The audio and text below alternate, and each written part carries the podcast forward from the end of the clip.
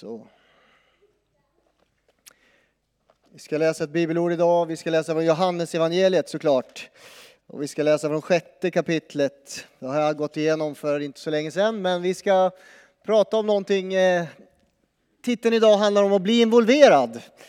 Det är så här att det finns inget bättre faktiskt. Jag kan inte komma på någonting bättre än när du och jag får uppleva att vi blir använda av Gud. Faktiskt. Du om du inte har fått uppleva det än så hoppas jag att du får, liksom få känna att oh, Gud använder mig i den här situationen för att hjälpa, befria, rädda en annan människa. Eller på något sätt, vad du än gör, så gjorde du det för Gud och Guds rike liksom blev synligt och tydligt. Det finns inget bättre, så därför vill jag uppmuntra er ska jag säga. Det här är inget eh, peptalk egentligen, en uppmuntranstal om att bli involverad. Och ta den här sommaren egentligen att be till Gud. Vad, vad ska jag göra min tid, min tjänst, liksom min kallelse, mitt liv med dig? Hur kan jag bli involverad i det Gud gör i Alunda eller på annat plats på något sätt? Och i den här berättelsen finns det en kille som, som blir involverad verkligen i Guds rike och verk. Bara den här veckan till exempel har jag besökt några personer, gjort hembesök. Och fått se när vi, när vi ber för de här personerna hur de upplever fullständig befrielse och hjälp i den nöd som de är i. Då känner man yes, det är det här vi håller på med. Man står vid sin dator och håller på och grejer och grejer. Men så får man möta en människa som behöver hjälp och så får man tala ord från Jesus eller be för en person och så upplever de hur Gud griper in. Det är det vi kallar det till. Det är inte en pastorsyrket utan det är att vara lärjunge till Jesus, att vara medarbetare till Jesus. Så är det också ditt uppdrag att bli involverad på det sättet. Vi läser från Johannes i varje fall. Och så står det så här, Johannes 6. Mat åt 5000 är berättelsen. Sedan for Jesus över till andra sidan Galileiska sjön, eller Tiberias sjön. Mycket folk följde efter därför att de såg de tecken han gjorde genom att bota de sjuka. Och Jesus gick upp på berget och satte sig där med sina lärjungar. Det var strax före judarnas påskhögtid. När Jesus lyfte blicken och såg att så mycket folk var på väg till honom sa han till Filippos, var ska vi köpa bröd så att alla dessa får något att äta? Då, det sa han för att pröva Filippos, själv visste han vad han skulle göra. Filippos svarade, det räcker inte med bröd för 200 denarer, men de ska få en bit, om de ska få en bit var. En av lärjungarna, Simon, Petrus bror Andreas, sa, här är en pojke som har fem kornbröd och två fiskar, men vad förslår det till så många? Jesus sa, låt folket slå sig ner. Det är gott om gräs på platsen och de slog sig ner och det var omkring 5000 män. Jesus tog brödet, tackade Gud, delade ut åt dem som låg där och likaså fiskarna så mycket de ville ha. När de hade ätit sig mätta sa han till lärjungarna, samla ihop bitarna som har blivit över så att ingenting förfars.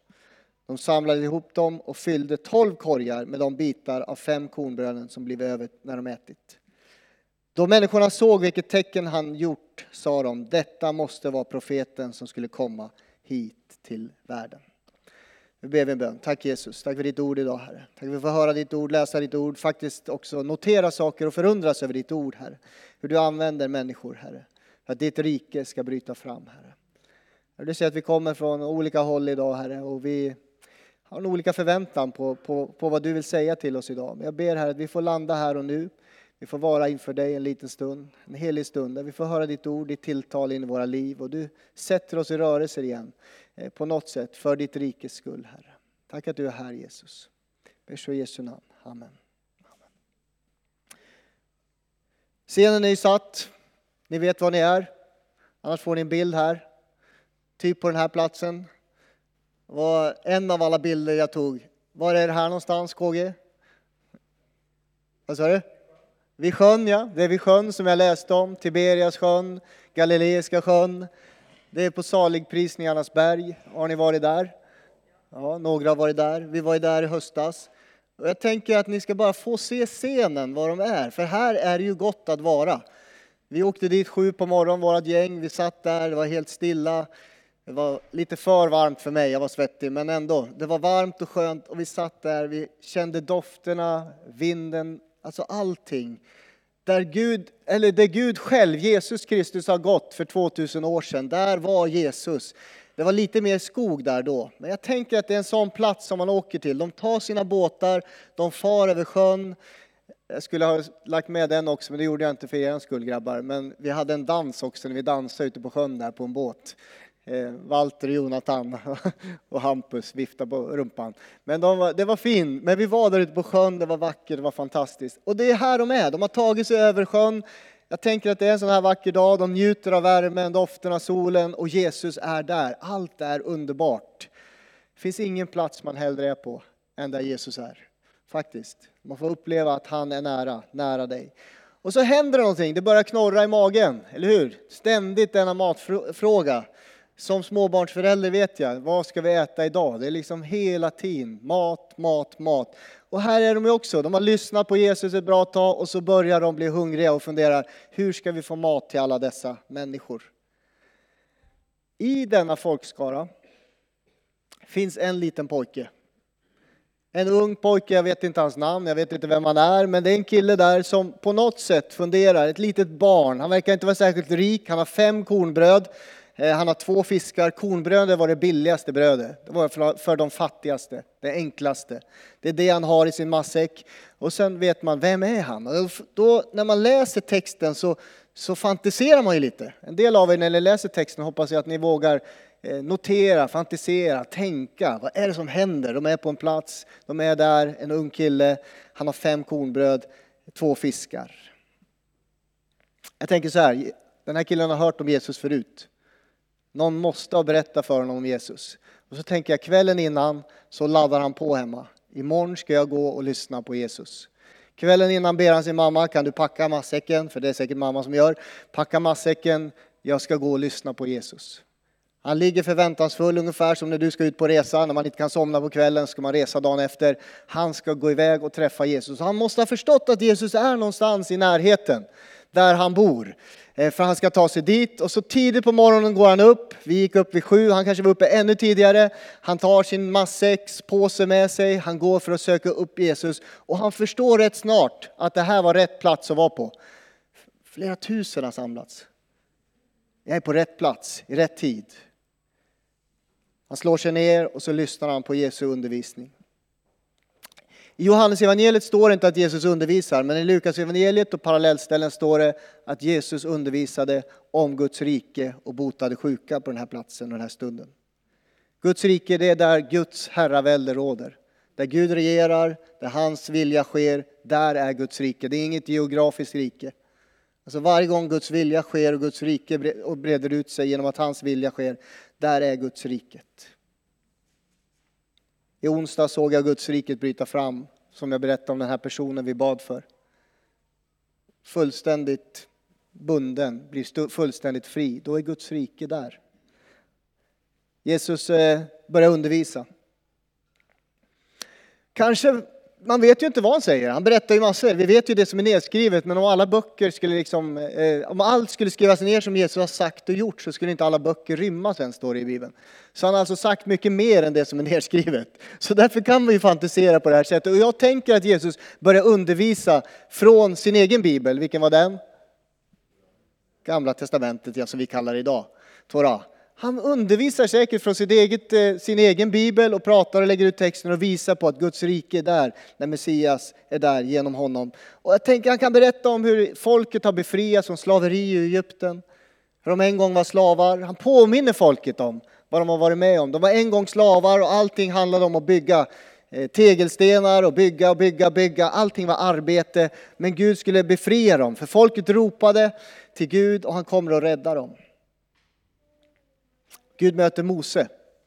Han har dragit sig undan till kargt land, han har dragit sig undan till Midjans öken, han sitter där och så tänker han, blev det inte mer? Han är gammal nu. Blev det inte mer? Han var kallad till mer och så sitter han där nu och är fåraherde. Och så möter Gud honom i den där brinnande busken som vi har hört om. Busken som inte brinner upp.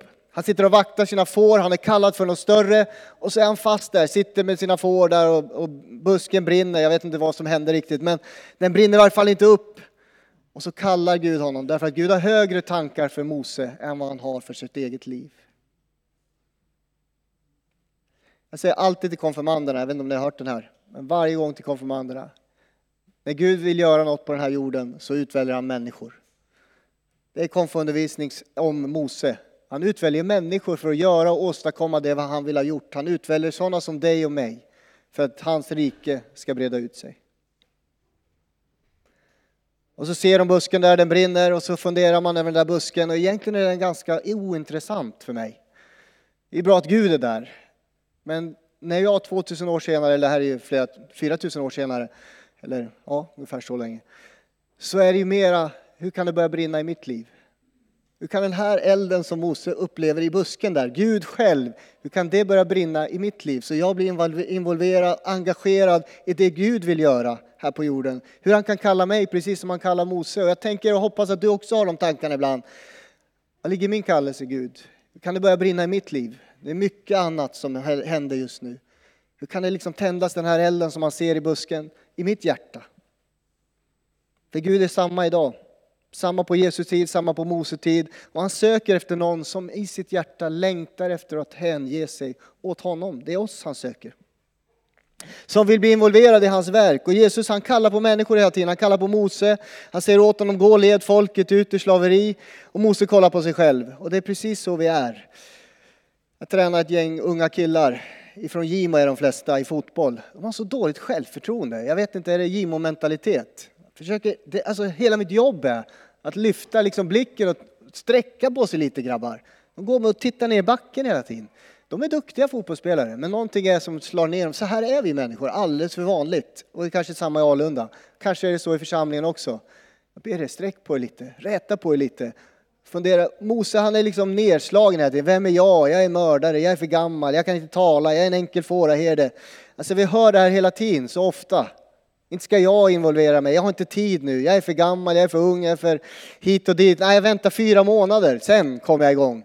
Nej, nu är det för mycket med blöjor och, och, mat och barn som ska hit och dit och skjutsas. Jag kan inte involvera mig, jag har inte tid just nu, vi tar det senare. Ursäkterna är så många, jag vet inte om du har haft dem själv någon gång. Han vill se dig i tjänst i sitt rike. Han vill att du ska bli involverad i det han vill göra. Eh, med det lilla du har och med det du kan göra. Alltså Mose han verkar inte ge sig, han trycker ner sig själv hela tiden och då byter Gud taktik. Han säger så här, vad har du i din hand? säger han till Mose. Vad har han i handen? En stav, precis. Han står och håller i sin stav. Den där staven, vad symboliserar den? Den symboliserar hela hans identitet. Ja, men just nu är jag bara en herde.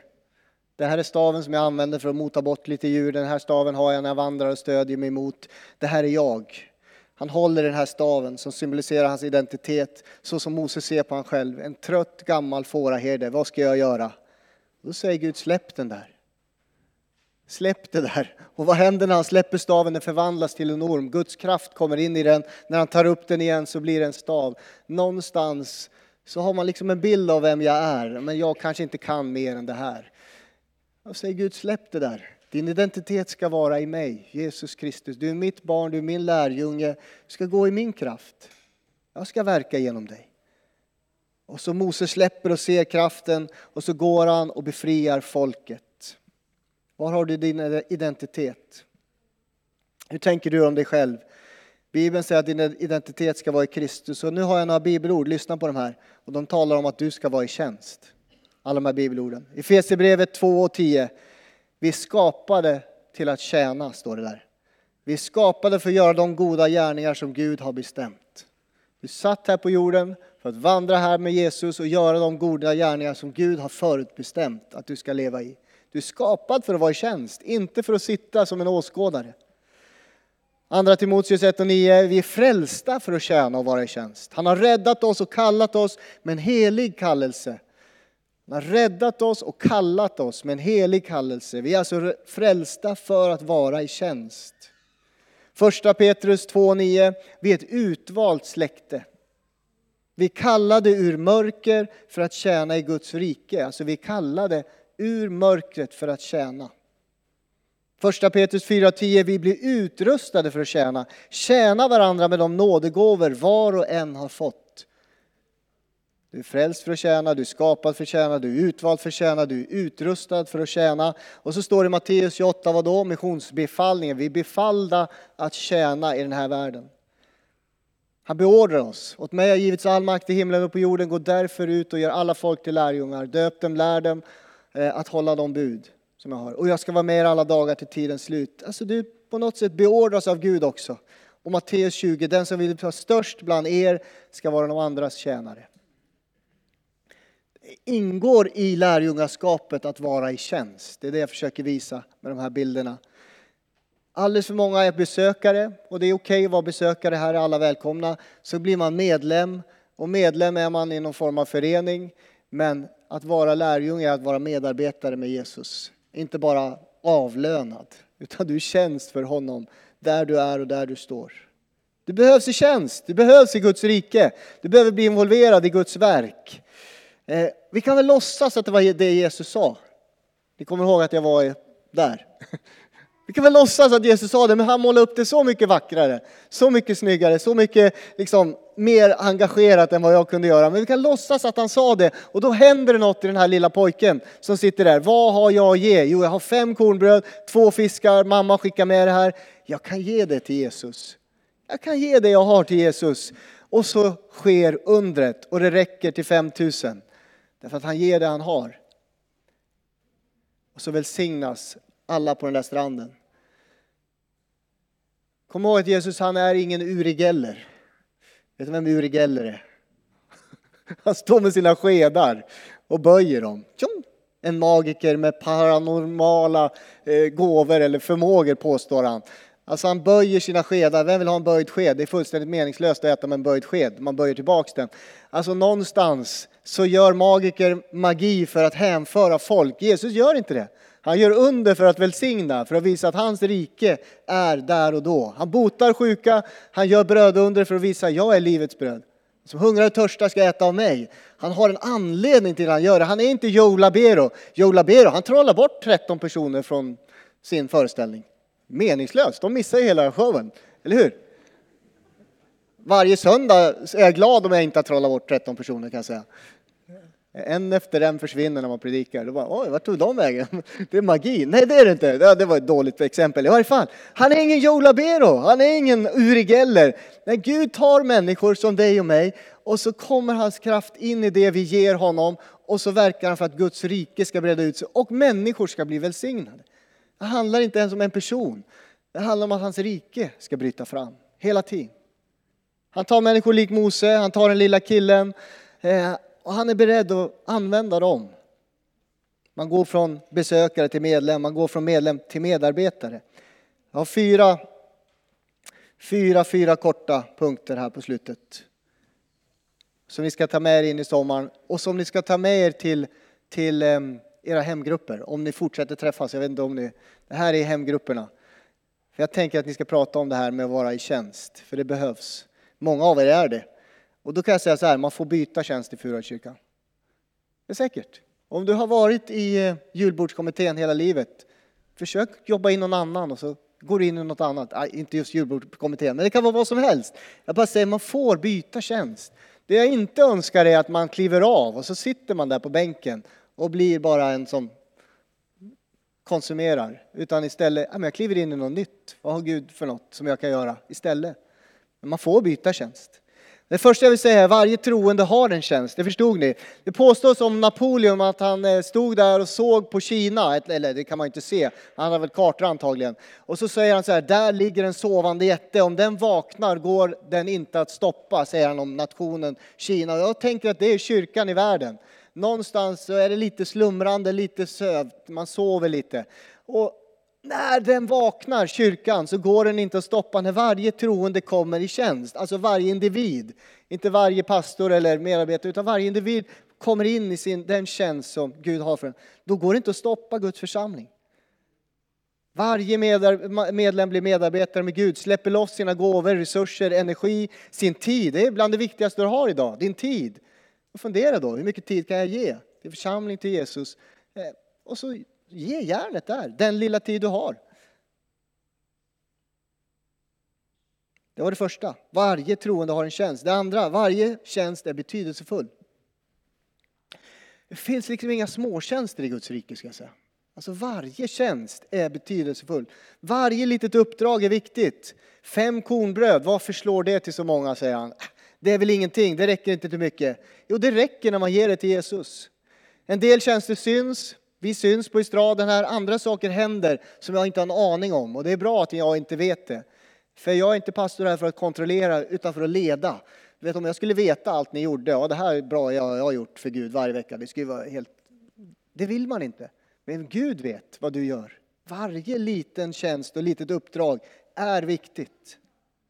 Vissa tjänster syns, andra händer bakom kulisserna som jag inte vet, men Jesus vet. Små tjänster görs för Jesus och det gör stor skillnad.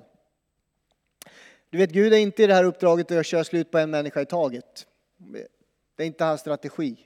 Vi tar en generation i taget. Nu får nästa generation ta vid. Det har jag hört några gånger. Det finns inte i Bibeln. Det behövs alla generationer samtidigt att tjäna i Guds rike. Inte en i taget. Nu tar vi 40-talisterna och nu är de slut. Nu har vi 50-talisterna och sen 60-talisterna. Nu är det 70-talisternas tur att ta slut. Och sen, nej, alla generationer behövs. Han tar en liten pojke, han tar en gammal Mose och använder dem i Guds rike. Vi behövs, var och en. Nummer tre, varje tjänst är beroende av andra. Du är inte ensam när du tjänar Gud. Vi behöver varandra. Ingen är oberoende av andra. Ingen enskild tjänst kan åstadkomma det, allt det som församlingen är kallad att göra faktiskt. Inte en människa kan göra allt det som församlingen är kallad att göra. Vi är en kropp tillsammans. Om en del av kroppen inte fungerar så funkar inte, liksom, är det inte bra för resten av kroppen heller. Vi måste samarbeta i Guds församling. Du vet, en person kan inte äga en församling. Om en person äger en församling eller rörelse eller missionsorganisation eller vad som helst, då faller den. Den växer ett tag och sen bara faller ihop. Guds församling ägs inte av någon annan än Jesus Kristus. Det är tillsammans som vi utgör eh, Guds församling. Varje tjänst är beroende av en annan tjänst. Och fjärde och sista. Den tjänst du går in i, den uttrycker du vem du är. Varje individ är skapad unikt av Gud för att göra vissa saker, det du är bra på. Du har fått vissa gåvor, du har fått ett hjärta som driver dig, du har fått förmågor du är duktig på, du har en personlighet. Eh, Gud älskar variation. Han använder det i tjänst för honom. Med åren så, så får man olika erfarenheter. Jag utbildar mig, jag blir bra på vissa saker. Det kan jag använda för Gud såklart. Ditt yrke, din utbildning, din andliga erfarenhet du får genom att vandra med Jesus. Det ska du använda för Gud. Dina misslyckanden, sorger, prövningar, svårigheter blir erfarenheter som används i tjänst för Gud. I den tjänst som du går in i så ska du vara den du är med de personligheter du har, de erfarenheter, de gåvor som Gud har lagt ner i dig. Då funkar det bäst. För 2000 år sedan, jag fick berättat att det var en ekskog där, så det var inte riktigt här kanske de satt, för det var ju gräset de slog sig ner. Men där på Saligprisningarnas berg skulle det vara ekskog och träd och sådär. Men i varje fall, för 2000 år sedan sitter en kille i gräset och lyssnar på Jesus och så ger han det han har och så välsignar han tusentals. Jag vill att du ska fundera i sommar, i din hemgrupp om du hinner, och be till Gud, vad ska jag involvera mig i? Vad ska jag kliva in i? Är det någonting nytt eller ska jag liksom ge mer i det jag redan är? Men någonstans. Använd sommaren till det. Kom tillbaks i höst och så involveras du. Det finns saker och uppdrag som du ska gå in i. Jag lovar, vi, vi äldste, vi får jobba på det vad vi, vi har. Men det finns så mycket eh, där du behövs. Inte bara i församlingsliv, utan också i yrkesliv, skolan om du går där, eller var du än är, föreningsliv. Just nu, där kan inte äldste hjälpa er, tyvärr. Eh, äldste får hjälpa er med församlingsliv, vad vi kan involveras i. Nu ber vi. Tacka Jesus. Tack Herre. Tack för den här lilla killen Herre. Han verkar ha haft en bra dag med dig Jesus. Tack att vi får möta honom en dag i himlen. Tack att han kan berätta om det han var med om Herre. Tack Jesus. Tack att vi får höra hans namn då också Herre. Tack Jesus. Jag vet inte vad du gör genom alla människor här, men du gör mer än vad jag förstår och ser Herre. Jag är tacksam för den här församlingen. Tack för allt du har gjort genom åren, men att du också Eh, i den här tiden vill använda unga killar, tjejer, gamla kvinnor, män, alla åldrar i ditt rike. Jag ber henne mer att vi ska se med våra händer, våra möjligheter, vad vi kan ge Herre. Och använda det i ditt rike Herre. Tack Jesus. Jag ber att människor i den här församlingen hittar sin plats Herre. Inte tar andras utan hittar sin plats och förstår att de är medarbetare till dig och med varandra. Så gör vi ditt verk Herre. Tack Jesus. Tack att du är här. Vi i Jesu namn. Amen.